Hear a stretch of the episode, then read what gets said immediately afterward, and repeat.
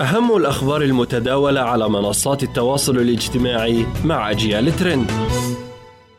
أهلا وسهلا بكم مستمعي ومستمعات أجيال هذا أجيال ترند. معكم حنان محبوبة أثار بدء عرض عدة مسلسلات رمضانية حالة من الجدل عبر مواقع التواصل الاجتماعي في مصر وفي عدد من الدول العربية.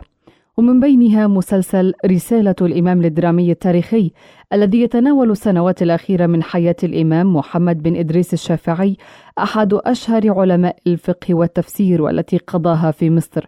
فقد طالته انتقادات حادة بعد عرض أولى حلقاته لما تضمن من معلومات خاطئة وغير صحيحة عن حياة الإمام الشافعي على حد قول متابعين. ركز كثير من المغردين من منتقدي المسلسل على أخطاء تاريخية قالوا إنهم رصدوها فيه ووصفها كثيرون منهم بأنها كارثية. بينما قارن آخرون بين مسلسل الإمام الشافعي ومسلسل الإمام أحمد بن حنبل الذي رأوا أنه خرج بصورة فنية أفضل.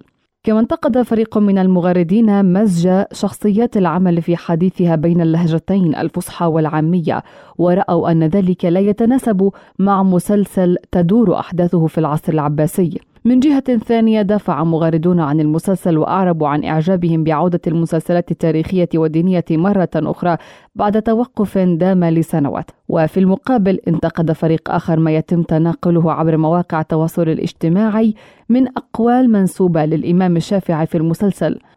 واعربوا عن خشيتهم من أن يخلط مشاهدوه بين الأقوال الصحيحة وبين عبارات من الحوار الدرامي لا تمت للإمام الشافعي بصلة. يذكر أن مسلسل رسالة الإمام كان يحمل اسم الإمام الشافعي واستبدل وتغير إلى رسالة الإمام حسب طلب الأزهر، والمسلسل من بطولة العديد من الفنانين والفنانات ومن تأليف محمد هشام عبية وإخراج ليث حجه. إلى هنا نصل إلى ختام أجيال ترند دمتم بخير وإلى اللقاء.